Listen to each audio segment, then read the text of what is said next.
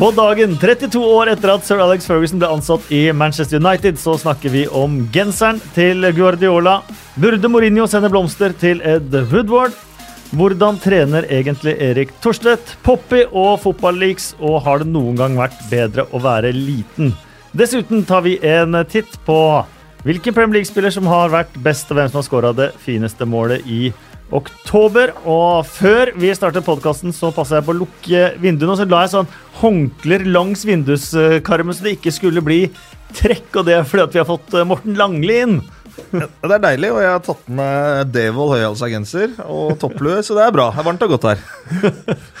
Ja. Erik Torstvedt? Jeg må si at uh, Med de teaserne som du lina opp nå nettopp, så tenkte jeg dæven, det programmet har jeg lyst til å høre. altså.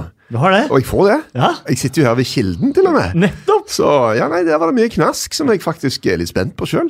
Ja, Sir Alex Ferguson ble ansatt uh, på denne datoen i 1986.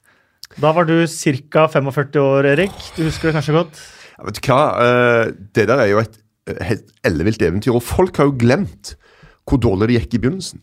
Folk har glemt at hadde han vært ansatt nå i dag, så hadde han fått sparken lenge før de begynte å hente de der Salva-trofeene. Jeg er skyldig. Jeg satt i England, jeg så han bli intervjua på TV etter nok et tap med de sånn flakkende øynene, og jeg tenkte dette er sjanseløst. Her er det bare å hente en ny mann. Og så bare snudde det og ble så ellevilt bra, altså. Og det er For en uh, fantastisk bra manager. Ikke så god trener, han leder jo ikke treningene sjøl, men utrolig blikk for spillet. Hvem han skulle bruke, hvem som hadde det, hvem som hadde det ikke. Og en enorm evne til å utvikle seg. For så lenge han var manager, så endra jo mennesker seg, fotballen utvikla seg. Plutselig kom der ungdommer med bling-bling og litt sånn større ego, og sånt, og han var nødt til å være med på det. Altså Han kunne ikke bare si at nei, fuck off, dette skal ikke vi bruke. Han var nødt til å tilpasse seg sjøl, og det syns jeg er noe av det mest imponerende med, med han. Og svennebrevet hans var jo den siste Premier League-tittelen. Ja. For da hadde han ikke det beste nei, laget. nei. Da hadde han ikke noe suverent lag. Nei. Men det var, altså han, det var litt tur, veldig som det ofte var med Ferguson. Men han traff mye på taktikken. Han traff med det van Persie-kjøpet, som var den der tungen på vektskåla. Jeg husker hadde det, Den sesongen der hadde de mot Blackpool borte. Den var dårlig. Charlie Adam slo kanoncorner. Og så klarte de å finne opp en måte å vinne den matchen på. Tok Ja. med seg tre poeng derfra der, og til, som de kanskje ikke andre lag hadde vunnet på. Og så Stormenn ganske som suverene mestere til, ja. til slutt òg, så det var eh, Og så sier han at um, med dette laget så har vi et fantastisk fundament for framtida. Ja, det trodde jo jeg jo. Jeg Ja, trodde, jeg trodde trodde det. det skulle gå bedre enn det gjorde både under van Gaal og, og litt forskjellig. Men der, der tok jeg kraftig feil. Men eh, Your job now. Stand by your new manager. Det tenkte jeg på i går, akkurat den der, det sitatet der. Men Det var varte ikke en sesong. om de skulle gjort det litt annerledes om de hadde fått valgt igjen med den rollen han fikk, hvor han satt på tribunen der hver gang United slapp inn mål, producer går på han som sitter der. Så det var en ekstremt vanskelig situasjon for neste manager. Det, det visste jo alle at det kom til å bli. Uansett hvem de hadde valgt, så hadde Ja. det blitt nedtur. Altså uansett, For, for det er en sånn greie også at alt som det nye gjør, relateres til det han forrige gjorde. Altså Det henger bare i. Det sitter i, veggene.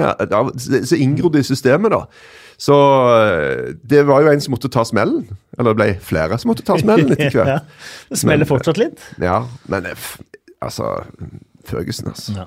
Starta med 0-2-tap på Man of Ground i Oxford. Eh, Jon Sivebekk, dansken, skåra det første målet til eh, Ferguson mot QPR. Han lagde jeg sak på da jeg jobba i Tips. Eh, hadde gode minner om det. Men jeg, jeg starta det hele, mente han. Eh, Ja. Litt på spissen. Um, en annen storspiller fra den tida, Ruud Gullit, han satt i Match of the Day-studio i, uh, i helga. Uh, jeg bare tenkte jeg skulle bare ta, uh, før vi begynner å gå gjennom kamper og sånt, noe uh, utsagn hans som han var veldig hissig på, at det har aldri vært bedre i den moderne fotballen å være liten. Eh, små spillere, små, mobile, raske spillere. Eh, de lagene som har suksess i Premier League, de har disse små spillerne. Lucas Torreira, Ngolo Canté, Raheem Sterling. Eh, med mange flere. Mens Manchester United da er den en som henger igjen med de litt store, litt trege spillerne. Men utsagnet 'det har aldri vært bedre i moderne fotball enn å være liten'. Er det noe vi kan stille oss bak? Nei, jeg vil si at det var enda mer eh, for noen år siden, når Tiki Takan virkelig rula. Når Barcelona eh, de hadde et veldig lite lag. Og da, sånn, Den måten de spilte fotball på, så var det nok enda mer, syns jeg. Nå er det en litt mer miks. Altså, Kevin De Braune, hvor liten er han, liksom? Altså, men jeg husker, hvis vi spoler enda lenger tilbake, så husker jeg det var en tysker som heter Hans-Peter Briegel. Mm, altså, Sjekk han på, på nettet, han ser ut som Robocop. Og når han kom, så husker de sa at dette er framtidens fotballspiller. Sånn kommer det til å se ut. Fysiske, osv., osv. Jeg husker til og med jeg tror det med var, var Graham Taylor, eh, manageren fra England, mente jo at de fysisk lå bak de skandinaviske lagene. husker jeg han sa. De er sterkere enn oss, vi har et problem. Eh, så dette endrer seg hele veien, da. Men, men det er jo bra at det ikke nødvendigvis har gått sånn at det bare Du må vel liksom være som baskethøyde for oss å nå opp, da. Så jeg syns det er en, en kul greie at fotballen er sånn at alle kan lykkes på et eller annet nivå. Du må ha en miks. En miks av ulike kropper og ferdigheter. Bare små spillere, bare store spillere. Ja, hvis du har veldig Ja, ja. mange små, så sliter du på dødball. Altså, sånn er det jo bare. ja. Altså, det er en sånn fysisk lov som det er veldig vanskelig å komme seg utenom. da. Så, Og, og det er jo veldig rollerelatert, det her òg. Du ser jo sjelden et lag komme med to midtstoppere på størrelse med Ayala. Altså, Midtstoppere er stort sett mellom 1,85 og 1,90 rundt omkring. Og det er jo som Erik er inne på, skal forsvare dødballer, forsvare innlegg osv. Så, videre, så er det en fordel å ha rekkevidde både i lufta og langs bakken Ja, ja. i de posisjonene der. Men selvfølgelig snitthøyden på en wing er jo langt lavere enn en midtstopper. midtstopper. Ja. Mange liker også en veldig stor spiller foran forsvaret, type Ja. Matic-rolle med stor eh, rekkevidde der. Så, og så kommer det an på hvordan type muskulatur du har på den store kroppen. Du kan jo være eksplosiv for det, selv om du er, eh, Ja, ja, ja. Selv om du er høy. Så det det er flere lag også som har valgt å ha keeper som er høyere enn Kasper Wikestad. har jeg lagt merke til. ja, Det er opptil flere lag i Premier League som dette Meg og. Campos, vi, vi kom oss rundt, vi. Ja, så er det på, keep, på keeperplassen òg. Du har jo veldig forskjell i høyde der og på noen av de beste i verden, og kontra en del av de der eh, som har kommet opp. Jeg så jo, jeg hadde jo City mot Fulham her nå, i, og da sto jo han reservekeeperen til, til City. Ble henta Ja, tilbake fra unge. nakkbredaen Ja. og Claudio Bra. Han sto det 1,98 på. Mm. Jeg hørte Det er vel oppe nevnte Pan Pantillimon. Var, ja, ja. var jo, synes det var en naturlig referanse, for han var jo i City han òg. Han var jo også ekstremt høy. Men kanskje du da mister det du har i rekkevidde, kanskje mister du litt på, på smidighet. Men, det er, så men så har jo på en måte, altså treningsmetodene òg har jo gjort sitt til at de kjører jo disse folka gjennom ei kvern, da. Som går på, de, de måler det jo. De, hvor er du tight henne? Er det hamstringproblemer? Er det ditt og datt? Og så, så legger de jo spesialsydde treningsprogram som gjør at de greier å, å kompensere noe for det som er drawbacket, da. Med Donnarumma, hvor, hvor høy er han? ikke han òg? Han er, eh, ser kjempe ut. Ja. Ja.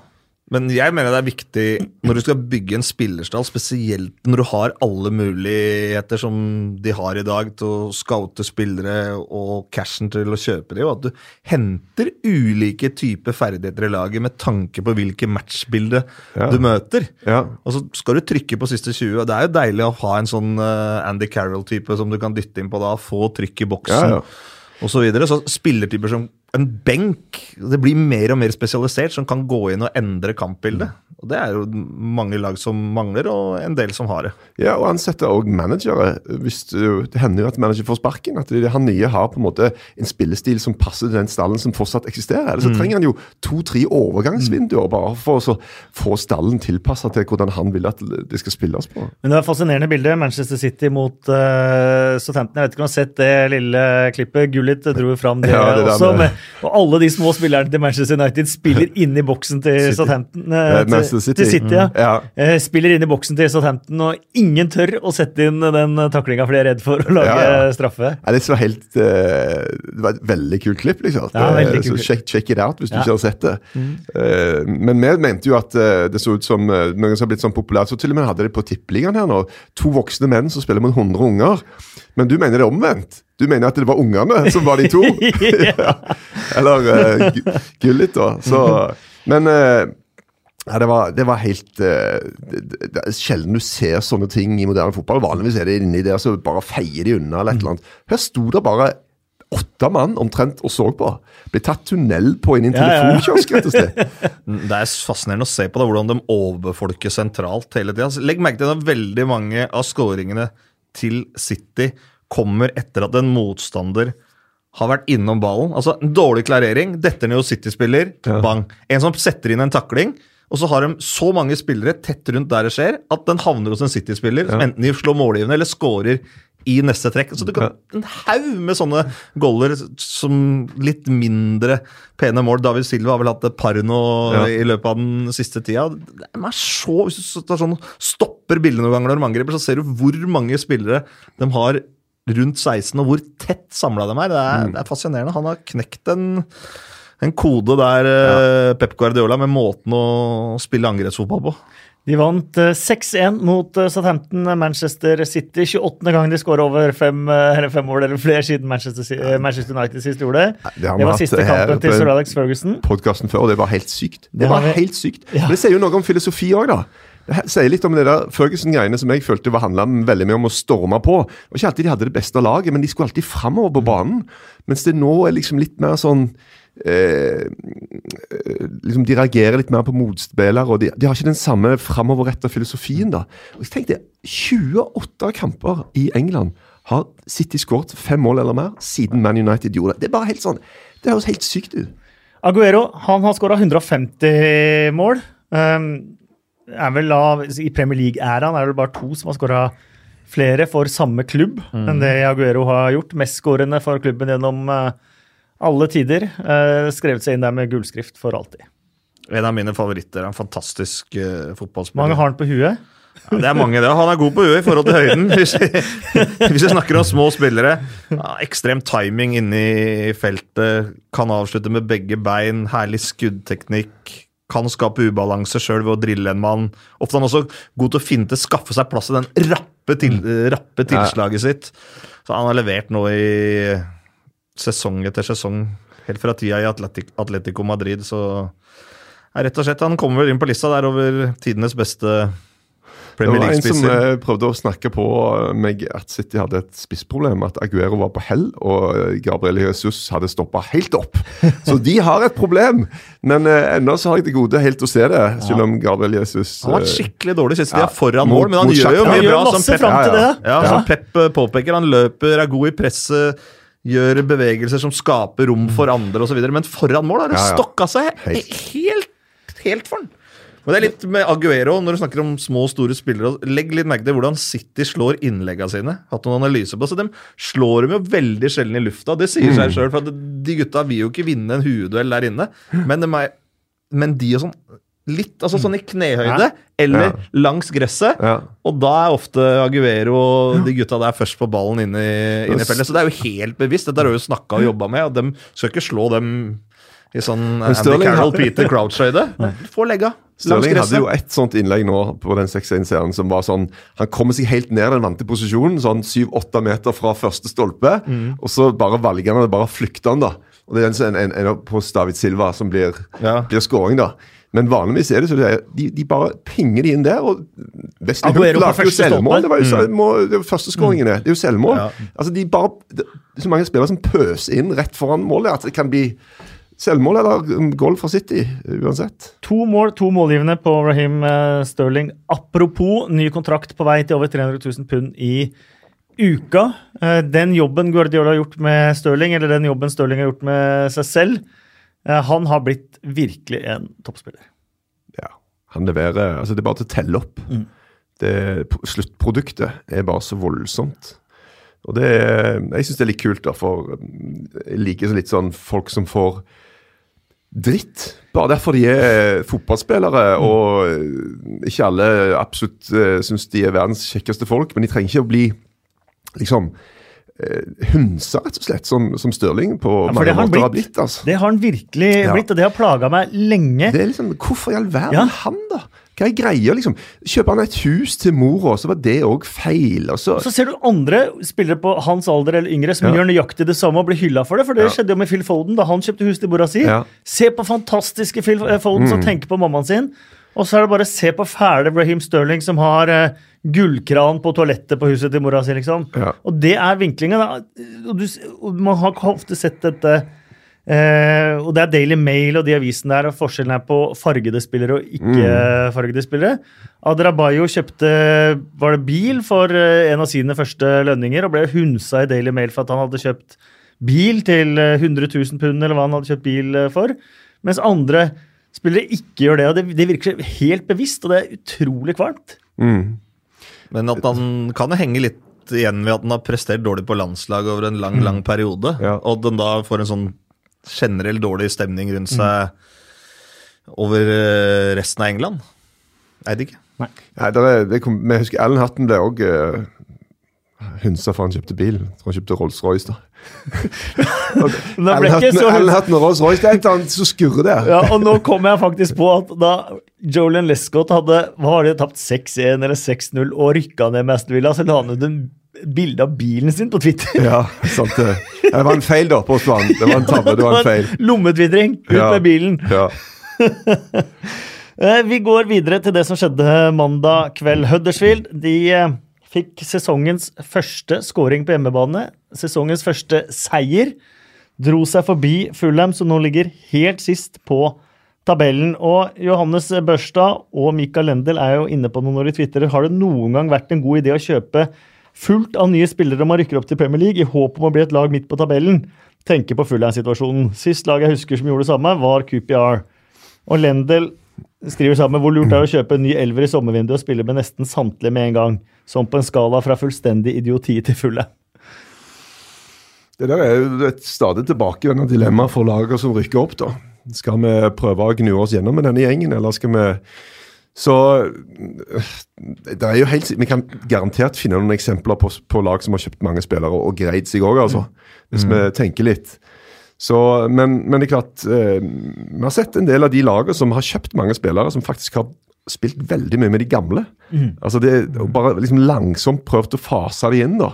At de ikke kjører full uh, rulle fra, fra kamp én.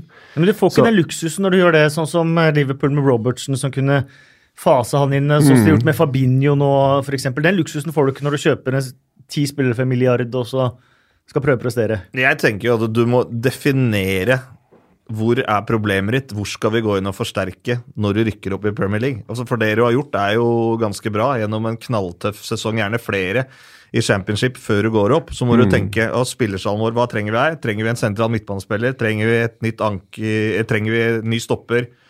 Trenger vi en keeper? Og så må du tre, fire, fem mann og så kanskje bruker du tre av dem i starten, hvor du veit de går inn og forsterker elveren din. Men å kjøre inn altså fem, seks, sju mann som ikke er samspilte altså, Jeg tror ikke det er noen suksessformel. da. Man vil si at Cardiff har vel gått den andre veien, har de ikke det? da? Jo. Cardiff har jo kjøpt veldig lite. Ja, og kjøpt i definerte områder. Men de Men det har ikke gått så veldig bra. Nei. de kjøpte jo bøtter når Solskjær var der, da. Ja, Og sant? da var jo helt iskaldt. Ja. Haug med nordmenn, blant annet. Ja. Som ikke var i nærheten. Ja. Men, men eh, ja, men Cardiff Men det Cardiff-laget er jo veldig begrensa. Med en trener som har en veldig bestemt eh, slags gammel engelsk ja. filosofi. Så, så den spilletroppen der, så har de vel gjort det omtrent akkurat som forventa. Ja, og Fulham har jo pr- underprestert i forhold til hva jeg trodde om dem. Det er vel den store skuffelsen i Premier League, faktisk. For at de, jeg syns de var bra forrige sesong. de spilte. Men så er det kanskje det da at de Det blir det mye, mye tøffere, da. Men jeg har sett Fulham et par ganger de siste tida. så det, er, altså det er så dårlig at Ja. det, altså det, det, er helt altså Den løperekka høres så bra ut. Schürrle, Mitrovic, Vietto. Altså han Vietto han, han flyr bare han prøvde å få frispark i hver duell. Altså, han bare detter. Han ser helt, og Schürrle er ikke noe sånn spesiell mann du skal ha med deg når du butter det, heller. Og Mitrovic Bursdag i dag for øvrig. Gratulerer med dagen, André. Mitrovic skåra mye i starten av sesongen. Ser tung, uinspirert ut. Blir isolert aleine på topp. Og Forsvaret Der bytter forsvar, med, de bytter med midtstopper. Også Cézinho, som skulle bli den store spilleren Ja, ja. deres. Han er nå nede som venstreback. Dere har starta oppe på kant. Altså, det er Tre-fire keepere har de vel Ja, ja, ja, og midtstoppere bytter dem i hver kamp. Fosu Mensa ser eh, ikke nærheten av noen ting. Altså, det, det ser helt jævlig ut, det Fulham-greiene. Der, der må du noe alvorlig Men til. er dette, dette følte jeg var en kamp det som spilte i går. At Hadde dette vært tidligere i sesongen, mens de fortsatt hadde en god følelse i laget, så hadde de vunnet. Men i går så, det så helt sånn det står blotta ut for selvtillit. og alt mulig eh, Fra første spark på ballen så står det ut som var høye skuldre. Det er fælt å si det, men det lukter jo uh, snarlig managerbytte. Det gjør det. Eh, For at når, du har, når eiere bruker så mye penger, så forventer de å se en viss return. Når du ikke gjør det, så Og det er litt sånn synd, men jeg forventa det skulle være mye bedre. Det positive er jo at disse bunnlagene tar jo generelt så syltynt lite poeng at du kan være helt søppel fram til jul.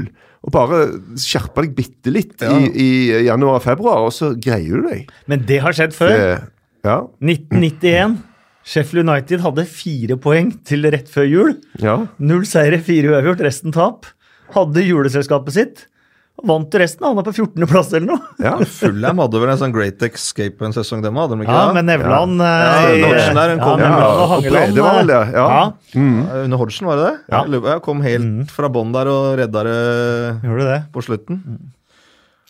Så det Vi må ta to ja. ord om uh, Huddersfield, for der har det vært uh, tungt. Det som har imponert meg med Huddersfield denne sesongen, er hjemmefansen. For de har vært like entusiastiske i hver eneste kamp. Og mål har de ikke fått, og var poeng har de ikke fått. Hadde de ikke skåret ett hjemmemål siden oktober, eller noe sånt? Det var, det var, det var, Et hjemmemål siden Valentine's Day. Så Ja. mellom Valentine's og halloween ja. så skåra han ett hjemmemål. Det, og du, du skal stille opp hver uke og se Ja, ja. på de greiene der. Og Det viser jo også bare at Huddersfield eh, de ser jo ikke på seg selv som en Premier League-klubb. De, de tenker at dette er stas. Dette må vi bare suge av den karamellen, for vi nyte. altså. Og Det er kult, og det betyr noe, da. For det, det handler om å greie å mobilisere en form for energi når ting går sabla imot. Og, og da er publikum med på laget. Altså. Det har et eller annet med stemningen i byen og hva det betyr for folk.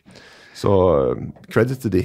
Helgens eh, desiderte storkamp det var Arsenal eh, mot Liverpool. Det endte 1-1, en haug av situasjoner. Men det eh, jeg sitter igjen med etter det, men for en kamp! For et nivå det var på den kampen. For et tempo! Hvis du sammenligner, hvis du skal ta Huddersfield Fulham, da, og sammenligne Det er to, det er jo to forskjellige idretter. Det er jo en annen liga. Altså, det er en fantastisk kamp, det var det. Bølga fram og tilbake. To lag som behersker det å presse høyt, løpe mye. Høyintensitet uh, gjennom hele matchen. Jeg syns faktisk Liverpool eh, var best, men samtidig så var det ikke noe å si på at Arsenal fikk et poeng, og de kunne kanskje ha vunnet matchen på slutten òg, men noen tvilsomme dommeravgjørelser. Van Dijk med normal uttelling burde vel ha scora et par goller, men det er jo samtidig et uh, Arsenal-lag som ser ut som en helt annen enhet enn de gjorde under Wengers siste sesonger der. Publikum er med, bedre balanse i laget. Så det er, det er uh, veldig mye positivt for Arsenal. som egentlig, Det som var usikkerhetsmomentet med Arsenal før den matchen, her, var jo at de har møtt veldig mye svak motstand. De hadde ikke vært ute mot uh, topp motstand, som Liverpool har vært to ganger mot uh, Chelsea, PSG Mm. osv. Det var jo den første store testen for Arsenal, syns jeg, og den besto dem jo på en måte. Altså, I hvert fall med en helt annen stil enn vi har sett i enkelte toppmatcher eh, med den gjengen der eh, de siste sesongene. Det var utrolig mange som bare venta at nå nå får de svi. Nå har de på en måte flaksa seg litt igjennom, og nå skal de møte en gjeng som skal plukke dem fra hverandre. Og så skjedde det ikke. De sto opp og tok fighten og gjorde det veldig bra. Til og med Grand Chaka begynner å få masse skryt. Eh, Han har jo òg vært en hakkekylling på mange måter. Så Og han, men han har ikke sett ut som han har vært helt på nivå heller, syns jeg. da. Men med Lucas Torreira som flytter Ja. beina så enormt raskt rundt seg, så kommer han bedre de til to sin rett der, også. altså, Ja. sammen det er, Av og til er det sånn. Jeg hadde jo en sånn guru nå som var eh, når jeg vokste opp, eller så var keepertrener Kjell Skue Andreassen trente også det norske landslaget sammen med Nils Arne Eggen. Eh, han var liksom treneren når Viking begynte å vinne ligaen i, i, på begynnelsen av 70-tallet. Fantastisk fotballhjerne. Og hvis noen sa f.eks. Eh, Granit Xhaka er en bra spiller, så vil han alltid si hvem sammen med da? Det var liksom mantra. Hvem sammen da? Altså, Ja. Han mente det var enormt mye relasjoner. da. Hvem passer sammen? Hvem er gode sammen med hvem? Og eh, når han trente landslaget, og sånn, så hadde jo en sånn sosionom eller noe sånt som satt bak oss på spillermøter og sånn. Noterte og satt på lunsjen og så hvem som prata sammen. Og på trening hvem som sentra til hvem. Han prøvde å liksom skape et større bilde da, av, av hvem som egentlig var bra sammen. Og på sånn menneskelig plan. Jeg mente det òg hadde et eller annet å si ute på banen. da. Så eh, de to har i hvert fall klikka. Eh, og Gwendosi eh, Han var jo suspendert nå i og med at han ble utvist matchen før. Men han ble veldig mye brukt i starten og viste seg å være en bra spiller. Men de to er de som er de beste. Helt enig. Ja. Og hvem spiller du med? Jeg er helt enig med deg, Erik. Det har så mye å si. Det er jo bare å se når vi snakker om den kampen. Forsvaret til Liverpool Man hadde sannsynligvis ikke tatt med seg poeng i den matchen hvis du hadde spilt med en kombinasjon med Gomez, Lovren, Lovren, Matip. Altså Ja. med de tre, men en av de ved siden av van Dijk, så ser Forsvaret helt annerledes ut. Og bare snittet på innslupne mål. Synker eh, radikalt. Så å finne konstellasjoner rundt omkring på banen Det er jo kjent òg, da. Spisspar, eh, venstre back, venstre kantspiller Ja. har en relasjon. De to sentrale. Men øh, så kan du få han til en ny klubb, ny medspiller, litt annen formasjon og spillestil, så ser uh, spilleren helt annerledes, mer eller mindre hjelpeløs ut. Så Så det du sier er at Ronny Deila har æren for uh, forsvaret til Liverpool? Nei, van Dijk var vel god før han kom dit òg, men han eh, Men han har jo Han ser jo ut som en mye bedre spiller den sesongen her enn han gjorde med en gang han kom til Liverpool, syns jeg. Jeg tror han har hatt veldig godt av en preseason med laget og, Ja. og ser bedre trent ut, mer konsentrert osv. Så, videre. så har han vel litt sånn rykte på seg for at han slapper av litt når han vil videre til Ja. neste klubb og, og stoppested. Så, men, Men det- nå er det i ferd med å spille seg fram blant de beste midtstoppere av verden. Det er litt sånn med, når dere kommenterer òg, dere vet det? Hvis noen sier Kasper Wikestad eller Morten Langli er flink kommenterer, så er jeg alltid Hvem Men sammen med da? Best aleine. Best alene. Du liker ikke han ha noen med deg, du, Morten? Eller? Du liker ikke han ha noen med deg? Jo, jo, jo, jo, veldig. Men det, det er ikke noe sånn jeg sitter og bestemmer det. Det får nesten de som eh, jobber på TV bestemme. Jeg satte opp en liste en gang over alle jeg hadde kommentert med, da, og det var veldig veldig mange. Ja, så var det ranking? Nei, ikke noe ranking, men jeg har jo kommentert flere kamper med enkelte enn andre. da. Men det er jo veldig mange fra din Drillo-generasjon, blant annet. Men er det lettere å kommentere sammen med andre på den måten at du får litt avlastning, eller er det, må du rett og slett uh, vite å holde litt igjen i enkeltsituasjoner? da? Jeg synes det, det som i hvert fall gjør det enklere, og hvert fall hvis man har, når man har en ekspert, det er jo at jeg er ingen fotballekspert, jeg er en fotballkommentator. Eh, og det er mye en ekspert ser som kanskje ikke jeg ser. I tillegg så gir du en ekstra trygghet til å være to i tvilsomme situasjoner. Der du, Ja. der du, der du selv er usikker på hva er rett eller hva er feil, Mm. f.eks. en dommeravgjørelse eller andre ting, så syns jeg det er veldig trygt å være, være to. Og da tror jeg ofte man kanskje jeg har lettere også for å lande på det som er rett. Så er jo arbeidsfordelinga Altså Slovne reprisene, er jo i utgangspunktet ekspertens mm. område. Så du, det blir en litt annen arbeidsfordeling og måte å tenke på når du eh, kommenterer sammen med noen. Mm. Men det, det er det er- går på timing. Har du gjort det noen ganger, så veit du åssen han tenker, og osv. Så, videre. så det er som- blir som å spille midtstopper sammen. Eller keeper, keeper med et stoppefar foran seg. Du har en, du har en form for eh, kombinasjon og, og kroppsspråk og, Ja.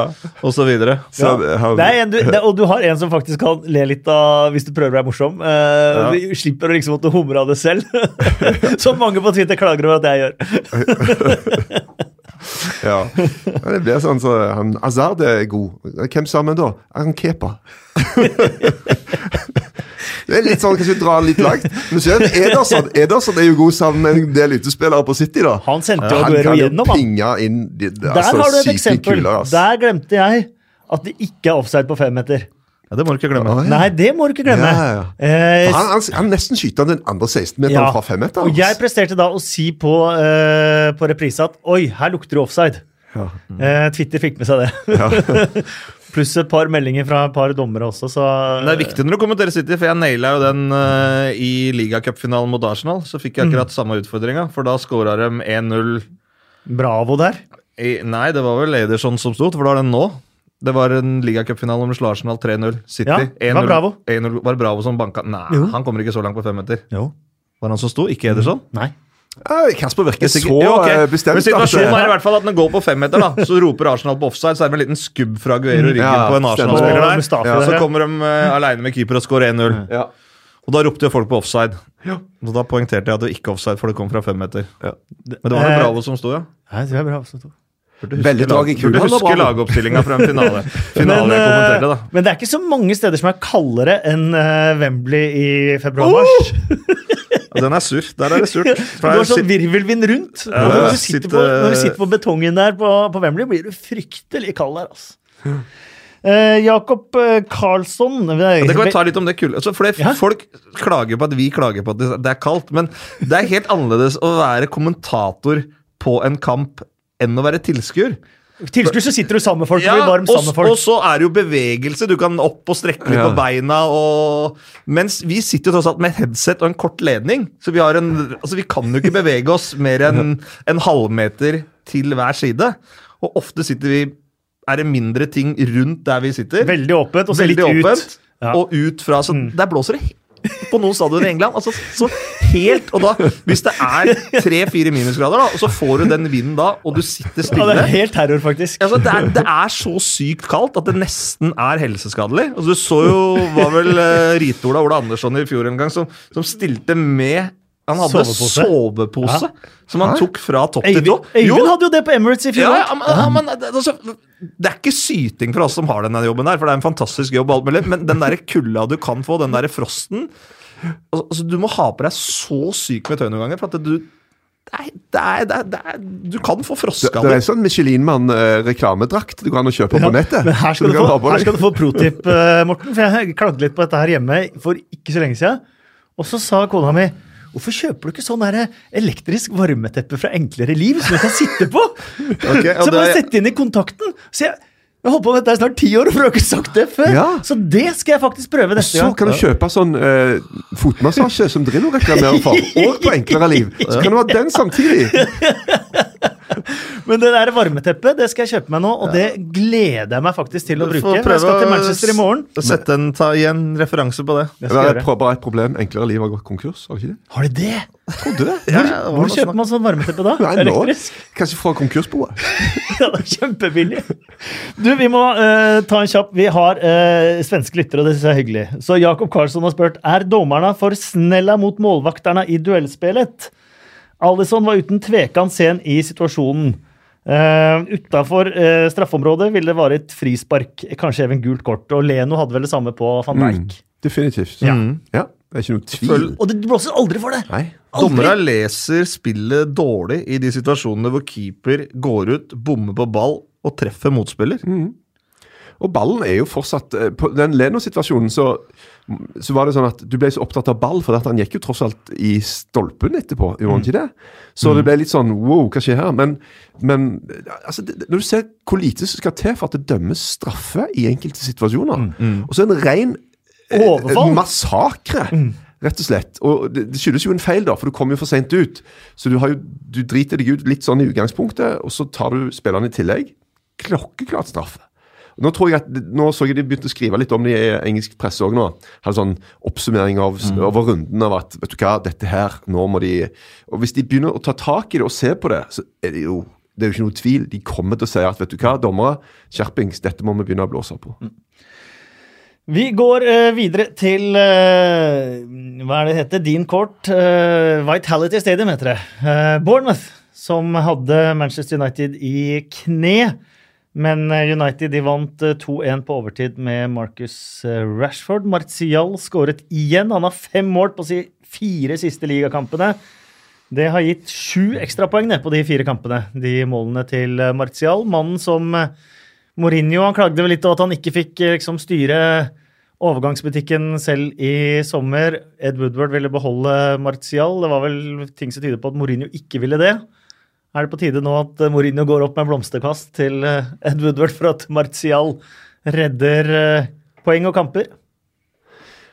Men det, det er liksom Av og til så får noen spillere et, Ross Barkley, et annet eksempel. Er det et blaff, eller dette er nå på en måte, har han stabilisert seg på det nivået? Og Kan godt være vi kommer ut i mars-april, og så tenker folk at hva skjedde med han der Martial, som var så god i uh, oktober? Uh, og, og, så vi må se litt over tid, da. Og det er klart at uh, Han har hatt store utfordringer. Hvis du går inn og ser på han og Sanchez, f.eks. Sanchez har jo produsert lite siden han kom, men han springer mye mer enn Marcial. Han jobber mye hardere, han har flere spurter, han springer flere kilometer. Han gjør en tøffere, bedre jobb òg defensivt, så det er mange ting som er med her. Men Marcial er et, han er jo ikke gammel heller. Nei, veldig Han er, han er han er jo kjempebra. Ja. Eh, Men til tider så han, han, han smiler jo ikke når han scorer engang. Det er en del ting der som er litt sånn utfordrende med kroppsspråk og sånt. Men hvis han bare kan fortsette å plugge i vei og, og i hvert fall opp mot det nivået han har nå, så har de jo en superspiller ute på venstrekanten. Og da må Sanchez først og fremst konsentrere seg om å ta plassen til Lukak. Ja, Jeg var jo kritisk og jeg var overraska når United henta Sanchez. Med tanke på da hadde vel akkurat Rashford hatt et par gode kamper i den posisjonen. Blant annet mot Liverpool, hvor han var avgjørende med å komme fra venstrekanten der to ganger. Og Martial var god en periode i samme posisjon. Og så henter du da en etablert verdensklassespiller som er eldre enn de gutta og skal ha enormt med, med penger. Og det var jo litt av problemet med Sanchez og har vært hele veien i United. Hvor skal de bruke den? På, og på bekostning av hva? Mm. Arsenal det bekostning, det, det føler jeg nesten Det er det viktigste poenget her. på bekostning Ja, ja. av fordi at De har tatt bort streaken fra både Martial og, og Rashford i veldig veldig stor grad. To spillere som fått færre sjanser, og som har måttet prestere hver gang de har fått uh, sjansen og ikke fått den. Ja, så er det litt sånn Roen i posisjonen. Også, da. Altså, du to uh, av de mest interessante hvis jeg kan kalle både Rashford og Martial fortsatt talenter i én posisjon, og så da skal du hente en uh, kar som øh, free agent uh, for sinnssyke penger og betale en mye mer. Da ville kanskje tenkt på ok, ja, men er det faktisk der vi trenger den spilleren, eller skal vi se om vi trenger det en et eller annet annet sted på banen og bruke de pengene? Det er litt overraska over den overgangen. Og det har jo vist seg til nå at det ikke har vært noen uh, suksess heller. Nei, jeg, jeg tenker litt på altså det, Disse klubbene har masse penger, og de betaler syke lønninger. Men dette var den var drøy, altså, den overgangen der. Altså, Han tjener så sinnssvakt mye, og prisen ble plutselig en helt annen enn det han var opprinnelig, fra agentens side og sånne ting. Eh, og jeg tenker at det er, det, er enkelte dealer skal du bare si nei til, av prinsipp. da. For det, det, sender jo litt signaler rundt omkring i, i, i garderoben og, og, og eh, omgivelsene totalt sett. Sånn eh, Altså, vi, vi Ok, vi bare punger ut, liksom. Jeg tror det er bra at en greier å sette foten ned av og til. da. Og dette er kanskje en sånn deal som en burde ha gjort det på. Eh, Manchester United de eh, driver og snur kamper. De avgjør på overtid. De er bare tre poeng bak Arsenal. Vi skal ikke glemme det heller. Er det konturer på at eh, Mourinho for første gang skal klare å snu en sånn kjip tredjesesongtrend og kanskje få til noe ordentlige greier her? Hva er ordentlig? Champions League først, og så kanskje enda et steg på fjerde sesong. Det har jo aldri prøvd før. Vinne Champions League det tror jeg er mil unna. Nei, komme til Champions League. Jo, altså komme til Champions Ja, Ja, ja, men topp det hadde vel vært først, en så- kjempeskandale før sesongen hvis de ikke hadde kommet til Champions League. Så det blir vel bare sånn altså, De ser kanskje litt bedre ut, men samtidig rundspilt av Bournemouth til tider i første omgang nå, så Jeg blir ikke klok på det laget der. Jeg synes dem, mm. altså, det er sånn Prestasjonsmessig så er de en mil unna City i kamp etter kamp. Og så har jeg kikka på oddsen, det gjør jeg stort sett hver dag. Altså, Juventus står til 1,5 i odds! Hjemme i morgen mot Manchester United. Altså, du har Gratis penger? Du har, nei, det sier jeg ikke at det er gratis penger, men det må jo være historisk lav odds mot Manchester United i en viktig fotballkamp. At motstanderen står til 1,50! Altså, du tjener en femtelapp hvis du undrer på at Juventus skal, skal slå Manchester United. Og du sagt at det skulle være oddsen før sesongen begynte, eller for Altså, det, det jo Det sier jo litt hvor dårligere dårlig de har spilt den sesongen her. Ja, og Nå vinner de, men, men altså, det er helt skammelig hvor dårlig de begynner den kampen. Altså, altså, det Ja, ikke det sa Mourinho òg. Altså, det er helt ja, sykt, altså. Og det har de gjort nå fire av de fem siste matchene. De eneste matchene er mot Everton, der de har hatt en noenlunde start. Og jeg ser ikke egentlig noe særlig utvikling. Eh, Jeg tenker at de er så langt bak at sjansen for at de skal eh, vinne ligaen de neste par sesongene, ser jeg for meg at eh, Jeg kan liksom ikke helt se at den utviklingen skal for det, Forskjellen er så enorm, da. Så jeg, jeg tror ikke dette kommer til å ende bra. Jeg tror ikke, Det kan godt være at de vinner en cup eller et eller annet, altså, men, men de store pokalene, som er Premier League og Champions League, det kan jeg ikke skje, se skje verken denne eller neste sesong. Og det er, ja. Nei, det er greit. Men jeg, så, jeg føler at de er best når de gir litt beng, da. ja, det er da det er best. Ingenting å Ja, tape, men, inngangen, må jage match. inngangen på kampene også, jeg overrasker meg at de er så ekstremt dårlig i lavt press. Mm. Jeg så Petter Myhre hadde en glimrende analyse om det fra første omgang mot Westham i Premier League-studio. Ronny Deila i Viasat-studio hadde en veldig god analyse på det samme fra første omgang mot uh, Juventus. At det, ok, de legger seg ned ganske trygt, nesten en 4-5-1-formasjon langt ned på egen halvdel, men det er en veldig veldig dårlig i det lave presset sitt. Motstander spiller bare gjennom midtbaneleddet og ganske enkelt gjennom forsvarsleddet òg, og det er jo at den ikke klarer å få, få opp aggressiviteten der, få folk til å flytte beina hurtigere, både én og én, og sammen. Det, det Ja. syns jeg er overraskende, men samtidig kanskje en, noe av den beste starten de har hatt på en kamp i år, var jo en hjemmekamp mot Tottenham hvor det var enormt press på dem. Og da føler jeg at Mourinho satt litt sånn likeglassprøyte. Da storma de fram, og så tapte de den kampen 3-0. Veldig merkelig resultat, sett i sjanser og sånn fram til første Tottenhams mål. Men, men etter det sånn, går ut litt sånn halvseig, dårlig tempo når dem har ballen sjøl, og ikke stuper fram, setter press. Og det kommer det er, det er vanskelig fotballfaglig å Ja, men de sier også, liksom, hvorfor det blir sånn. ok, Hvis du har Lukaku på topp, det er vanskelig. at Han er jo ikke den han, Bare se på kroppen hans. Han er jo ikke den type spiller. Ok, Rashford, da. Nå blir det noe annet. Men så, ikke lenge, så lenge ikke resten av laget er gira inn på det samme, da, Mm. så nytter det ikke om Rashford stuper opp i press, og så blir han dratt av, så snur han seg rundt, og så er det liksom 30 meter til nærmeste spiller. Det er Alexis Sanchez-syndromet, det der. Ja, sant? Så, så, Så, sånn i Arsenal òg. Ja, så, så eh, Ja. men, men de har jo ikke den De er jo satt opp for Når de mister ball, så skal de kjapt i formasjon. Mm. Det er jo det de er satt opp for. Men da er jeg jo enig med deg, Morten, den passiviteten. Det går an å ligge i formasjon og likevel være aggressive, Ja. men det er ikke. De ligger i formasjon og bare liksom glir litt rundt uten å gå oppi og så det er, Men det er jo det blir Kontrasten blir så stor, da, for det er så mange lag som nå har en helt andre ende av skalaen. da. Se på, eh, på Store spillere, små spillere. To, ja, men se på City, på Tottenham nei, Unnskyld, ja, på, på, på Liverpool. Arsenal-Liverpool-kampen var jo sant, De kjører de greiene hei, Og da blir Ja, ja. kontrasten så veldig veldig stor til at Man United, som ikke er der i det hele tatt Vi snakket eh, så vidt om at det har vært uh, oktober. Det har vært noen vanvittige skåringer i, uh, i oktober. Um, to Arsenal-skåringer som egentlig begge to tar kaka. To lagmål. Eh, personlig er jeg også veldig svak for Gylvi Sigurdssons eh, vending og skudd mot, eh, mot Leicester. Men for meg så er det den hvor Øzil spiller fram eh, hjemme mot Leicester, jo. Det tredje målet. Det tredje målet. Ja, helt enig. Ja, det var helt syke mål Det skåra i er den kampen. der. nydelig, altså.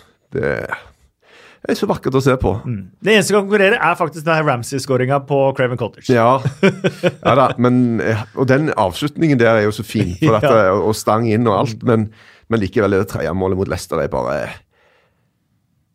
Det er bare estetikk, altså. Skal vi kåre det til månedens mål i oktober? Definitivt. Ja. Er det noen som har tenkt på hvilken spiller man har forelska seg litt i i oktober? Eh, Jeg er litt sånn inne på, på Arsenal igjen, for at uh, hele forandringa til Arsenal kom nesten med Lucas Torreira inn på, på laget. Jeg synes Han har vært helt, Mm. han har fått hele laget til å bare klikke, liksom. Det er Bra motor, Jan. Det er ikke så spektakulært valg, kanskje. Jeg har et min, enda mindre spektakulært valg. jeg, Ja. Matt Ryan I eh, Brighton, ja. i Brighton. Brighton, de slapp ikke inn. keeperklubben. De slapp ikke inn. Ja, men, men kan godt ta Duncan, kan godt ta Dunk eller Duffy. Det er helt greit. De er, de er i samme kategori. De ligger bare der og feier unna. De har spilt tre kamper. Eh, de har holdt nullen i alle, vunnet alle 1-0. Motstanderen har hatt klokkeklart mer avslutninger på mål i alle tre kampene. Og I løpet av de tre matchene så tar Brighton altså 25% av alle poengene som de trenger for å faktisk overleve i Premier League. En strålende måned, og, og Matt Ryan var veldig sentral i de greiene der. Når du spiller på Brighton, så vet du at eh, når du går på banen at det er sånn 50-50 sjanse for at vi får et mål i dag. Altså, det er ikke mer. Og så, men hvis vi holder tett bak her, så kanskje. Og så får det bare klikke inn 3-0-1 eh, 3-1-0-seiere. Ja, eh, det, det betyr bare jeg, men Vi ser så ofte på de der Ross. Barkley og de der folka som skårer masse mål, Aubameyang og Strålende fotballspillere. Men eh, jeg liker å ta en liten titt nedover òg, da. Og så Enig. se på Vi kårer Matt Ryan. Ja, jeg var- der har jeg en liten inside info. Der var faktisk eh, André Hansen litt Det har vært mye snakk om han skulle bli proff. Han var eh, litt inne i bildet der. I På, Brighton. ja, når de henta Matt Ryan. Ja. Og så ble den eh, død når de henta Matt Ryan. Ja. Han kom jo fra Valencia, tror jeg. Han Ja. tror jeg har stått i Valencia. Stemmer. ja, Han kommer før fra benken til Valencia òg, tror jeg. Ja. Så de, de traff jo bra på det kjøpet. da. Ja, det har de gjort. Han har vært veldig bra. Matt Ryan og eh, Hvem var det som putta egentlig da Øzil satt den eh, på tvers der? Var det ikke Aubameyang, da? Var det Aubameyang, eller Ja, var det jeg tror det. Ab Aubameyang var det. Ja. Ja, Aubameyang. Mål. Ryan spiller. Deilig. Um, de mest spesielle uh, bildene og øyeblikkene fra, fra helga, kanskje, de kom uh, fra Wales. Cardiff mot uh, Leicester. Leicester vant 1-0. Leicester hadde med seg alle spillere og hele støtteapparatet i midtsirkelen før kamp. For å minnes Kun Vishai, eieren som døde i helikopterulykken. veldig spesielle bilder. Veldig spesielle bilder da DeMarie Gray skåret vinnermålet også. Ikke så mye annet egentlig den kampen dreier seg om, annet enn at de klarte å mobilisere og vinne etter en sånn uke. Det er ganske sterkt. Det blir jo ofte sånn, har jeg inntrykk av. Ja. Det gir deg liksom et eller annet, en kraft, eh, et eller annet sånn Eh, Så det, det var jo de, de ble jo stående veldig lenge ute sammen med fansen Mm. etterpå. og det, det er et eller annet med uh, Fotball trekker jo folk sammen. Vi hører ofte om negative sidene syns jeg ofte blir veldig vektlagt, og så får vi se hva det betyr for folk. da. Så det syns jeg er ganske fint. Ja, det, er, det er sånne ting kan få folk til å stå sammen og prestere bedre. Du hadde jo et sterkt eksempel på det i eh, NHL gjennom sist sesong, hvor du fikk den eh, massakren i Las Vegas der rett før uh, NHL-sesongen starta, og det nye laget i Las Vegas da, som Skal ikke si at de brukte det, men det ga litt sånn Vegas born, stay strong together, som ga dem et momentum uh, i sesongen der som tok med seg hele veien Til Stanley Cup-finale. Ja, så, som det miraklet ble liksom sammenligna med det Leicester gjorde den gangen eh, de vant eh, Premier League som en 5000-oddser. og Det, er- det er noen sånne mekanismer som gjør at folk eh, står sammen i tøffe tider og, og kan prestere bra sammen, men så kan det jo selvfølgelig også slå negativt ut. Jeg jeg fikk noen spørsmål om det før. den, Hva tror om det, hvordan det vil slå ut? Jeg synes det er umulig å, ja. å, å spekulere i.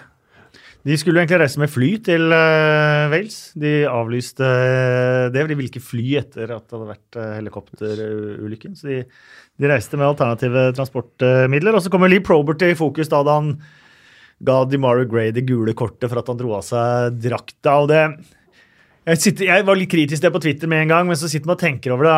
Probert er jo en fryktelig vanskelig situasjon. Eneste gangen jeg har, kan huske i hvert fall komme på at det ikke har blitt gult kort for å ha trukket av seg drakta, var da Billy Sharp, Sheffield United-spissen, mista sønnen sin.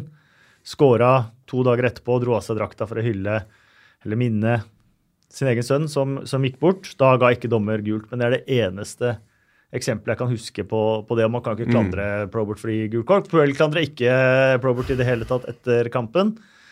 Men samtidig så tenker man Man gir jo ikke gult kort hver gang en spiller sparker bort ballen heller, selv om det står i, i reglene. Jeg, jeg vet ikke om det går an å gi, vise skjønn der og ikke gi det gule kortet Jeg til mener det gjør det, da, men jeg vil ikke Ja. klandre dommeren likevel. De får så mye drit, og han, De har gjerne fått uttrykkelig beskjed no matter what, liksom. For det er klart at dette er en arena som er veldig eh, Altså, alle ser på. Du hadde jo en lignende situasjon eh, under OL, når de norske gikk vel Ja. med sørgebånd. eh, og det ble jo påklaget. eh, Men eh, de, de har jo eh, det er ganske mange politiske greier òg som kan, eh, kan brukes. da, eh, til- Meninger som kan ytres i en sånn sammenheng. Så, men litt skjønn mener jeg at det hadde gått an å, å bruke. Altså. Bare gi blaffen, la det gå. Wolverhampton de tok imot eh, Tottenham, som så mange ganger før denne sesongen så spilte Wolverhampton veldig bra. Skapte veldig mange sjanser, men uh, tapte. Tottenham eh, tok ledelsen 3-0 før Wolverhampton fikk to straffer servert av Premier League-debutant Juan Foyt.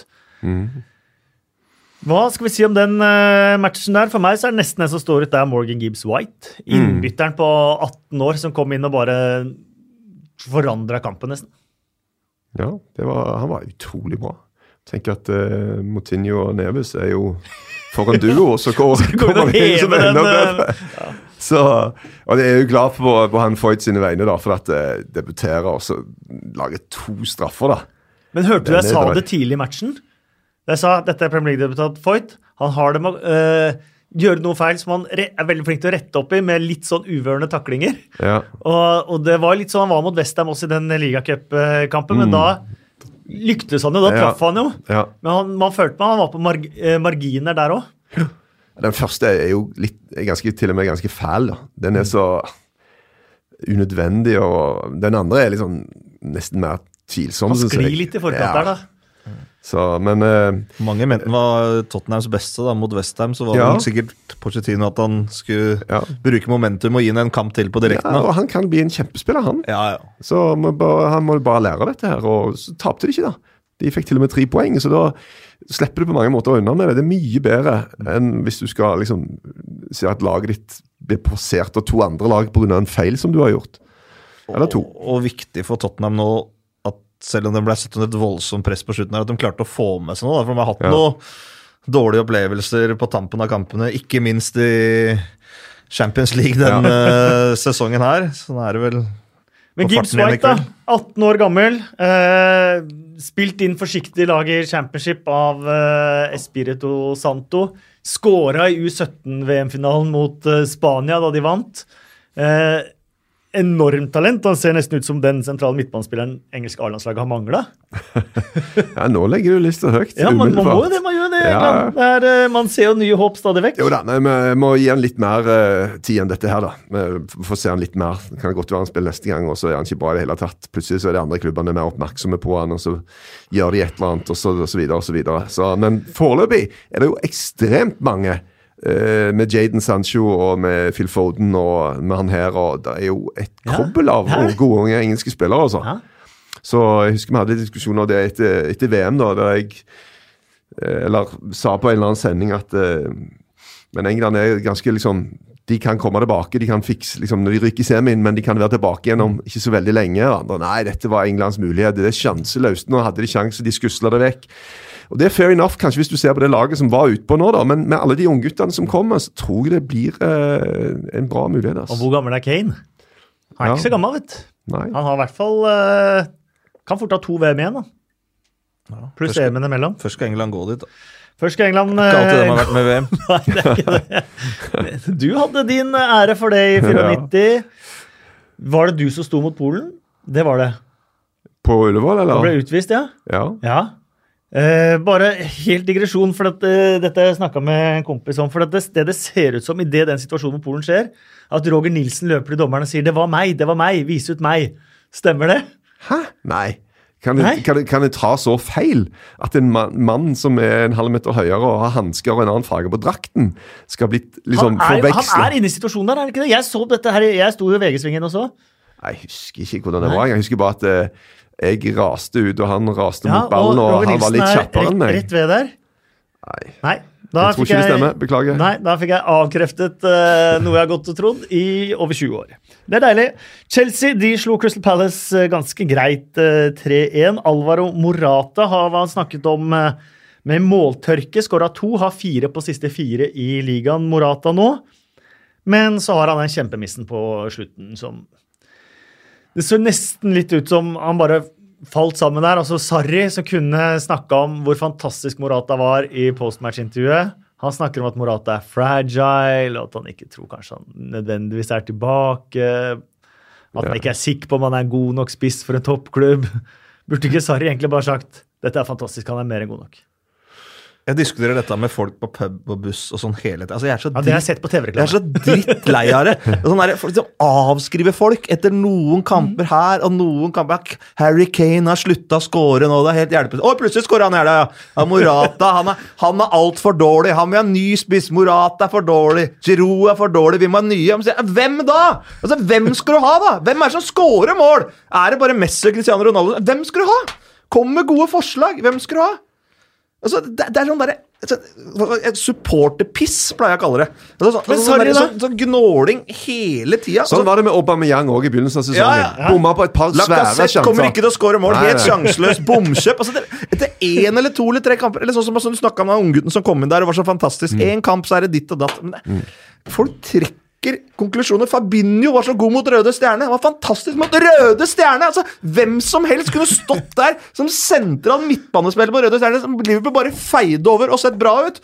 Sånne som mot Arsenal sist, sånne som Bambi på isen. Første store kampen han fikk. Altså, det er sånn, folk trekker konklusjoner så altfor tidlig. Hele tida. Avskriver folk, hyller folk. Og sånn er faktisk ikke fotballen.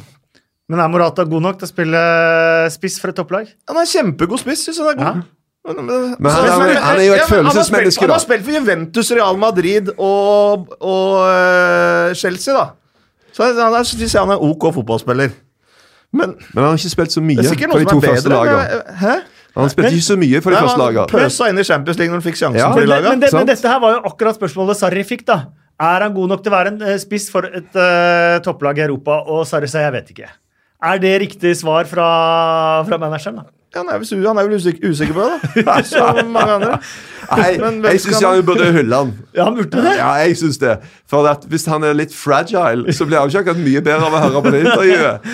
Så, øh, og han virker jo litt sånn. Han virker veldig som et slags følelsesmenneske. og og, og det å se han Det var faktisk litt herlig å se hvordan han jubla etter å skåre. Liksom det, altså det, litt lettelse og litt glede og litt stolthet. Det i en eneste stor miks. Og, og, og veldig forskjell fra den frustrerte som sitter på bakken og kikker rundt seg og lurer på hva var det som skjedde her, som vi så mye forrige sesong. Mm, Men Finnes det noen gode spisser rundt omkring nå? Jeg vet ikke, jeg hører bare folk snakker om dårlige spisser som ikke skårer. Altså, Lewandowski da- er ræva, Benzema er ræva, Douglas Costa, Griezmann leverer ikke, Cavani bommer for mye. Altså, Alle er jo ræva! Altså, det, det, er- så- jo ikke altså, Det er ræva spisser overalt! da har du ikke hørt om Temo Pukki. Han leverer, jeg- jeg- han leverer hver helg nå! Det er en del firmaer som, øh, som selger er analyse. De selger analyse både av analyserer motstanderlag, egne lag, de analyserer spillere, og dette selger de da til klubber. Og det de kom fram til nå, at hvis de for en klubb er på jakt etter en spesiell type spiller, istedenfor å beskrive hvordan han skal være, så si heller hva type spiller vil du ha? Altså, Er det eh, Pukki du skal ha, eller er det Duffy som midtstopper, eller er det en spillerne, eller Og de sier at vet du hva, i 100 av 100 tilfeller, når vi spør treneren hva type spiller du på jakt etter, så sier alle 'gi meg Messi'. Altså, alle sier 'gi meg Messi'. uh, og, og så ler de litt. Uh, men de har hørt den joken så mange ganger da, at det er ikke morsomt lenger. Det er jo litt av det som er problemet, at han og Cristiano Ronaldo har levert på et sånt nivå i årevis at det blir referansen, og alt annet er ræva. Ja. Men sånn er tross alt altså, ikke har- Lukaku er ræva nå. Nå har han vært nå har outstanding i VM, starta sesongen bra. Nå er han sjanseløs. Ferdig, må vekk. Kan ikke brukes. Ja, men Det er jo sånn folk konkluderer hele tida. Han er for feit, han skårer ikke mål, han løper ikke. Få det vekk. Hent noe nytt. Gjerne en ny spiss i uka. Det blir bare altfor svart-hvitt og unyansert. Da er det der vi har football manager, for det kan vi gjøre sjøl. Du, kan ikke, du kan ikke bytte alle gutta der heller, så vidt jeg har skjønt. Selv om jeg ikke spiller det. Jeg trenger ikke bytte så mye. Hvordan går det med deg, Kasper? Nei, jeg, eh, jeg er faktisk sånn fotballmessig så har jeg, er det sjelden jeg har vært så fornøyd. Jeg holder med et lag som starta sesongen med to poeng på de fem første kampene. Jeg snakker, Null, jeg, nå snakket jeg om fantasy. Null, ja, fantasy spiller jeg ikke. 0-2-3, og så har de hatt 9-1-1 etter det, og ligger på andreplass på tabellen. Temo Pukki, sju mål. Kjempespiss. Og backup Jordan Rhodes, fem. det er to spisser det som skårer mål. Så jeg er uh, veldig fornøyd med det. Og Everton de er helt sikkert fornøyd med å ha gjort om Rish Harlison fra kantspiller til spiss, som skårer mål. Vant 3-1 mot Brighton. Ja, han er god. Han er, Richarlison er god. Kjempespiss. Han er bare å kjøpe. Han kan, ja, ja, han kjøpes. Og apropos det, Morten, så så jeg bare i avisa i dag. Han ble sammenligna med Thierry Harry. Ja, ja, det er selvfølgelig. Ja, de, er- de, de føler jeg er ulike, da. Nei, det var uh, den derre omskoleringa fra kant til spiss Ja. blir perfekt. Men det ene målet han det er jo på en måte Ok, det er en gigantisk miss, da. Forsvarsmiss. Men han sender liksom ballen på ene sida av forsvaren, Ja. løper rundt på andre. Og bare bruker farten sin til å fosse forbi keeper. Ja, meget bra gjort, altså. Han er, eh, han er ikke noe flash in the pan. Han er the real deal, altså. Det tror jeg også. Um, Newcastle de um, har hatt sin verste start på toppseriesesong noensinne. Har venta lenge på sin eh, første seier. Ble til tider rundspilt av Watford, men vant 1-0. Ja, det trengte de. Det får man si. Altså, det er så symptomatisk, da, når Lascelles, eh, kapteinen, får kjempetyn i forkant fordi han kommer i skade for seg at han syns at Mike Ashley ser ut som en nice guy. Og det, det, ble så, det, eksploderte der oppe. Og Benitez måtte bruke det om stor del av pressekonferansen bare for å forklare at han hadde bare truffet han på en middag, og dere vet hvordan førsteinntrykk er. Det trenger ikke være et represent... Altså, han, han altså, Bare helt sånn Jeg har hørt Trevor Morleys første møte med Mike eh, Ashley. Ja, ja, jeg har hørt det. det er det mye sånn førsteinntrykk sitter. Men det er Eh, ganske sykt. Jeg, jeg tror nesten aldri har opplevd at en manager har blitt så frikjent. ja, ekstremt frikjent. Så, for, for så dårlige prestasjoner. Mm. For alle mener at han er jo Gud, og Mike Ashley er et rødhål. eh, Og det er han som har skylda, uansett. Westham de slo Burnley 4-2. Nå har Joe Hart vært på Etihad og sluppet inn fem. og Så kommer han på hjemmebanen sin fra forrige sesong og slipper inn fire. Det er tungt å være Joe Hart, selv om han har levert eh, bra. 13 på de to siste. Baklengs. Det har vært eh, fælt. Um, men for Westham, som starta så dårlig, å se Grady Diangana, et eget produkt, og ikke minst Felipe Andersson, som hadde så store forhåpninger til begge to, være så gode, det må jo være fantastisk. Ja, Filip Andersson har jo fått litt tyn underveis. For han er jo litt sånn enten-eller-spiller. Han trenger ikke være det, for jeg mener han er så sterk i kroppen at han trenger ikke være en sånn type som blir vippa unna. Og, uh, men uh, Westham er enten-eller, og nå var det på, altså. Uh, og jeg liker jo Filip Andersson, for han gjør av og til sånne ting som du veldig sjelden ser. da. Og Diangana eh, er jo Han hadde, må jeg innrømme at han hadde ikke jeg hørt om før sesongen. Nei, og det er jo også en av disse Han er vel 98-er, han, tror jeg. Så, men, òg en av de som, som vel faktisk både Kongo og England og driver liksom og fighter litt om. Så eh, det kan være én til som kan melde seg på som, som kantspiller. da. Han tror jeg òg er litt sånn for de der, eh, altså Generelt sånn vinger. Du leser sånn, så kjøper de i, så, i, På sommeren kjøper jeg har kjøpt en fransk ving der og en fransk ving der. og så, altså, går det så ofte at du For det første ser du ofte ikke på banen i det hele tatt. Og så er de ute på kanskje to ganger, og så blir de vippa litt vekk, og så hører du aldri om det igjen. Så det er liksom kanskje den posisjonen som er litt mer sånn sår Han er sånn ømfintlig, da. For du får ikke alltid så mange sjanser, og det er mange om beinet. og En del av disse spillerne er sånn at de, det er ikke sikkert de holder nivået engang. Eh, men han eh, har jeg litt tro på, da. Ja, Jeg tror enig. han kan greie seg. I eh, helgen så har det vært Remembrance Day. Det alle kampene har hatt både sånn trompetspilling og disse poppene, disse blomstene Ja. som er fra slagmarken i Og- første verdenskrig. Og litt sånn forvirring. Er det Leicester-markering, eller er det Ja, Remembrance det har Day? vært begge sånn- deler. Skjer Ja, ja. Um, og dette er jo da eh, Engelskmennene er gode på tradisjoner, og de er gode til å markere sine tradisjoner og, og slikt. Dette er jo da eh, for å minnes eh, britiske soldater som har falt i strid fra første verdenskrig og fram til i dag, og, og de som er ute i dag eh, også. Og Tradisjon tro så blir det også litt bråk rundt eh, det. James McLean, som spilte i West Bromwich og som nå spiller i Stoke, han har nektet å spille med denne pop-in på drakta og fått ekstremt mye tyn for det. I helga så ble han skjelt ut av begge lagssupportere, både sine egne og motstanderens uh, supportere. Fikk kasta ting etter seg og, og greier. Uh, Nemanja Matic uh, han spilte også uten Poppy på, på drakta. Alle resten har da Poppin på drakta som klubbemblemet midt, midt på. Um, James McLean er da eh, irsk-katolsk. Eh, har selvfølgelig vokst opp med konfliktene med protestanter og, og, og, og katolikker i, i Derry, eller London Derry. Uh, og har ikke opplevd britiske soldater som et positivt innslag eh, i hans lokalsamfunn, for å si det, si det mildt, og har selvfølgelig sine grunner til å ikke spille med Poppin. Manja Matic har forklart det med at han opplevde jo krig som tolv år gammel og har heller ikke lyst til å, til å Ja, det var med- med Nato-styrker som bomba Serbia sønder og sammen, Ja. egentlig.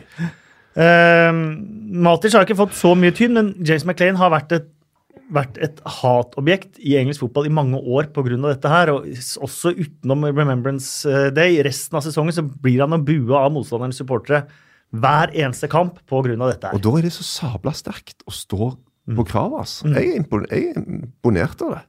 Jeg syns det der greiene der må være frivillig. Hva slags markering er det hvis det skal være påbudt? Dette må du ha. Altså, eh, jeg synes det, og Matic òg, som har tidligere spilt med Poppy, men valgte nå å ikke gjøre det. Eh, folk må få lov til å tenke sjøl, folk må få lov til å ha egne meninger. Og det blir jo stadig mer og mer markeringer i, England, engelsk fotball. Det blir mer og mer greier, føler jeg, da. Alltid et eller annet. Du har Pep Guardiola, som har Ja, den der som har- katalonske Ja. Som han jo fikk uh, eh, bot for, gjorde han ikke det? da? Jo. Jo, Rett og han fortsatte å kjøre den. Det var en Ja. gul poppy, slags. Ja. Så eh, og, Ja, det- ja, for det er det jeg mener. Eh, Man skal ikke glemme at uh, selv om det er fine markeringer og det er til ettertanke og alt mulig, så er pop-in det er en politisk markering. ja, Det skal man ikke glemme. Uh, og uh, I England er det en viss form for krigsforherligelse. De har en stolt militær historie som altså Hvis f.eks. Saab husker du, så, så eksempel, når Saab skulle selge biler i, i England, så brukte de jagerfly. Som, som på en måte Saab for å liksom ja, for, det, vekker positive assosiasjoner hos engelskmenn. Du kunne aldri brukt jagerfly i Tyskland. Tenk assosiasjonene de har med krig, da. Sant? Så du har denne greia der. og Jeg var på baseballkamp i USA, og da er det selvfølgelig fram med Our Troops, og de reiser seg opp, og en eller annen uh, Army-fyr synger, og jeg, jeg syns det Jeg liker det ikke, altså. Nei, eh, amerikansk idrett brukes jo eh, Eller eh, militæret i USA bruker jo idretten som en rekrutteringsarena, Ja. rett og slett. Eh, med tanke på hvordan eh, veteraner alltid eh, dyttes fram. Det er veteraner ofte som synger nasjonalsang eller er med og synger nasjonalsang et- etc. Så nei, jeg er helt enig. Eh, jeg syns Jace McLean har vært råsterk gjennom mange år på, på dette her. Og det er helt naturlig for han at han ikke vil vil spille med pop-in. Og så hadde han jo den ene, ene greia i en treningskamp i USA for et par-tre år siden med West Bromwich. Han snudde ryggen til under God Save the Queen. Da sa vel Tony Pulis at der går grensa. Ja. Og det kan lukke øynene da og tenke på noe annet. Football Leaks har preget uh, den siste uka. Det har vært lekket en haug av uh, dokumenter. Uh, hundretusenvis av dokumenter og mailer og alt mulig. 70 millioner. Ja, 70 millioner dokumenter. Jeg har lest alle 70 millionene. Har du? Ja. Nei, jeg bare kom til 69 millioner. Alt det viktigste sånn den siste millionen. Men det det, det det snakkes om, er denne utbryterligaen, superliga, europeisk superleague. Eh, hvor de største klubbene i England annet har, eh, har vært eh, med. Og det snakkes om at det er ikke snakk om if, but when dette skjer. Hva tror dere? Jeg har ikke tro på det. Jeg er usikker på om publikum Ja, men du har ikke tro på at, uh, at det blir bra, eller at det kommer til å skje? Eller? At det kommer til å skje, og at det ikke blir bra. Ja, Det kan ikke bli bra hvis det ikke skjer. Nei, det er det. Men jeg tror uh, europeisk idrett, sånn som fotballen er bygd opp i Europa, så er fansen veldig fornøyd med det tilbudet de har i dag, med en hjemlig serie som er det daglige vann og brød, og så har du da Europaspill og, Champions League som en sånn gulrot. Det er noe, noe i tillegg til det. Nei, så, Ja, og så har du, lands, har du landslagsfotballen ved siden av det igjen. Altså, jeg, De store klubbene fikk jo panikk da Leicester vant ligaen. Jeg føler Eh, og at- Leicester var i Champions League og ikke Manchester United. Da, da begynte de å samles på hemmelige kafeer. nei, det der har de holdt på med lenge. Det har vært snakk om Ja. denne sabla ligaen i alle år. Amerikansk modell, bla, bla, bla. Ja. Eh, men den som er mest misfornøyd med dette, her må jo være Danny Levy, som er sjef for Tottenham og sitter og venter på denne sabla stadion skal bli klar. Og i tillegg så fikk de ikke være med! Det er jo seks store i England, og det var jo fem av de som var liksom med i denne hemmelige, eksklusive klubben. da, Og Tottenham var ute. Eh, men det, det eneste som jeg tenker kunne være en et argument for at dette faktisk skal skje, at nå har det blitt et så sabla klasseskille i engelsk fotball at de der oppe nærmest har en liga for seg sjøl uansett. Nå spilte jo Huddersfield og eh, Fulham i går, da, men på ettermiddagen i går så hadde altså de tre øverste lagene i England, eh, Man City, Chelsea og eh, Liverpool, tatt flere poeng enn alle på den nederste halvdel til sammen. 83 mot 82, var det det? Ja, og det, det er altså det, det, det begynner å bli en, et problem, rett og slett. Og så jeg tenker at ok, når det skillet er sånn som det er, så får en kanskje heller gjøre et eller annet. Men jeg syns det er bedre. Altså, Nå hadde vi jo Bournemouth Man United, som jeg følte var eh, Dette er jo match. Dette er jo eh, sånn som Bournemouth spilte. Du, du trenger denne hjemlige melk og brød-greia. Du trenger ikke bare sitte på på og liksom spise is hver sabla dag og som en slags Champions League eh, hele veien. Det er ikke gøy. altså. Nå ser jeg brød og vann, sa jeg. Det er fengselsmat, det. Brød og melk, det heter kanskje. Haslefrokosten. Ja. Brød og latte. Det er landskamp eh, ganske snart. Gary Southgate skal annonsere sin landslagstropp. Der kommer Wayne Rooney til å være med. Han skal få en slags eh, farvel, en slags testimonial. Han skal få eh, samle penger til sin egen eh, ideelle stiftelse. Mange har vært veldig kritiske til det. Peter Shilton har slakta det. Harry Rednap har kasta seg på. Den originale avtalen var vel at han skulle komme innpå de siste fem minuttene, men nå ser det ut som han skal spille de første 25-30 og så takkes av. Um, og så har det kommet fram Rooney og Southgate er tilknytta samme agentselskap. Um, er det greit at en uh, som har vært så markant i engelsk landslagshistorie, skal få en sånn uh, markering, eller uh, blir det teit? Det er ingen sterke meninger om. Jeg uh, syns det er teit. Jeg syns det utvanner hele greia.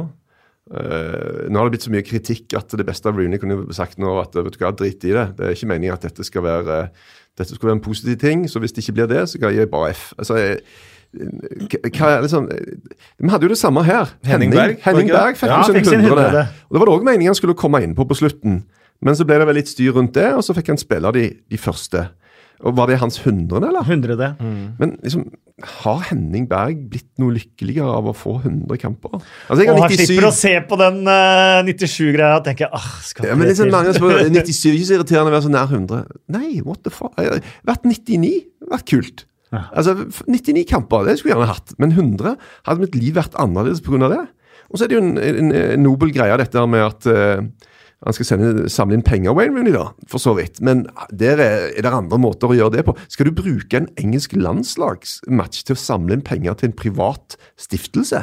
Jeg syns det virker veldig merkelig. Helt enig. Og når det gjelder Peter Shilton, så vil jeg jo si det, for han er ute nå, at eh, han hadde da, når han la opp, så hadde han jo ikke vært lenge nok i en klubb til å få testimonial. Da må det være ti år.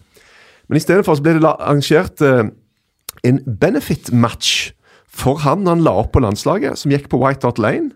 Og det var England mot resten av verden. Og da gikk det altså folk rundt omkring i gangene inne på White Hart Lane, i losjen og sånne ting, med bøtter der det sto Peter Shilton Benefit Fund, så folk skulle legge mynter oppi. Og det er så stusslig. Det er altså så trist. Eh, og nå vet jeg han har gambla vekk sykt mye penger, men å se det, det var eh, ikke bra. Er det han eneste i historien som har over 1000 ligakamper? Peter Shilton? Det lurer jeg på om han er. Ja, mulig. Det var moro å se på. Morata var kjempegod. Hva i all verden? Han snakka ikke om seg sjæl, han snakka om dommeren. Vi skal dele ut eh, blomster og kaktuser. Eh, rundens eh, blomst. Vi har jo fått eh, ganske mange alternativer på, eh, på Twitter. Eh, Einar Blokk Hansen jr. mener Richarlison eh, burde få den.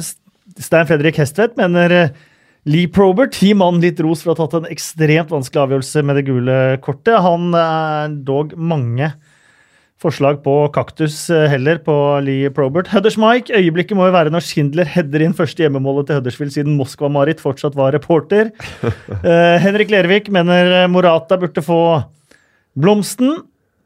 Uh, hva mener dere? Jeg har tenkt litt på, på David Wagner i dag. At han kunne få en blomst etter en, en hardt prøva manager som har overprestert så sykt med det laget at det er Premier League in the first place. Er jo et lite mirakel. Og så kjemper de nedi der og får ikke til en dritt. Skårer fire mål eh, på de ti første kampene, og alt er svart. Og så bare greier han å vri blod ut av denne steinen og bare få de der tre poengene. Så jeg tenkte at eh, han kunne være et godt valg, men det er det mange andre òg som er, tydeligvis. Nei, Jeg syns det var et uh, veldig godt valg. Det er til og med på hans treårsjubileumskamp Ja, for at han tok over. Eller skal vi gi det til Reka, som fyller 50 år i dag? Nei, han får ikke det.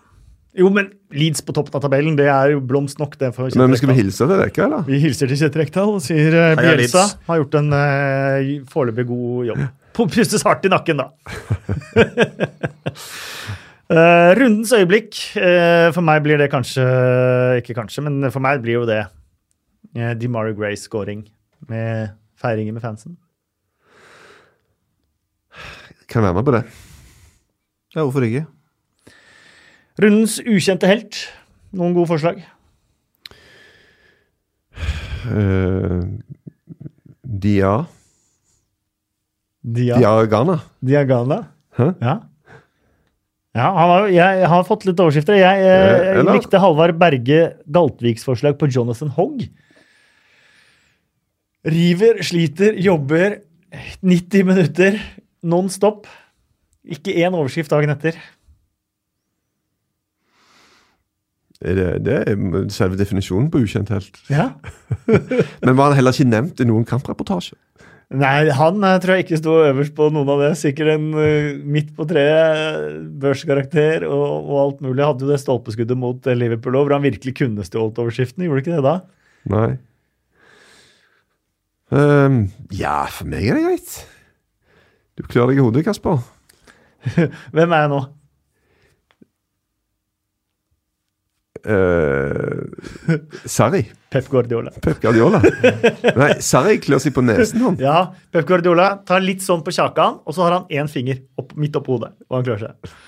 Mourinho har jo fingra i trynet alltid når det blir intervjua. Ja. Ja. Jævlig svære fingre hans. Jeg husker- tafser seg i trynet. Graham Sunes hadde òg alltid uh, hendene oppi ansiktet, men da var det at han holdt en Lucozade-flaske i uh, hånda. Ja. Jeg tror det, var, det var product placement, noe så sykt, ass. Hele veien opp og vifta med denne fla flaska oppi kameraet.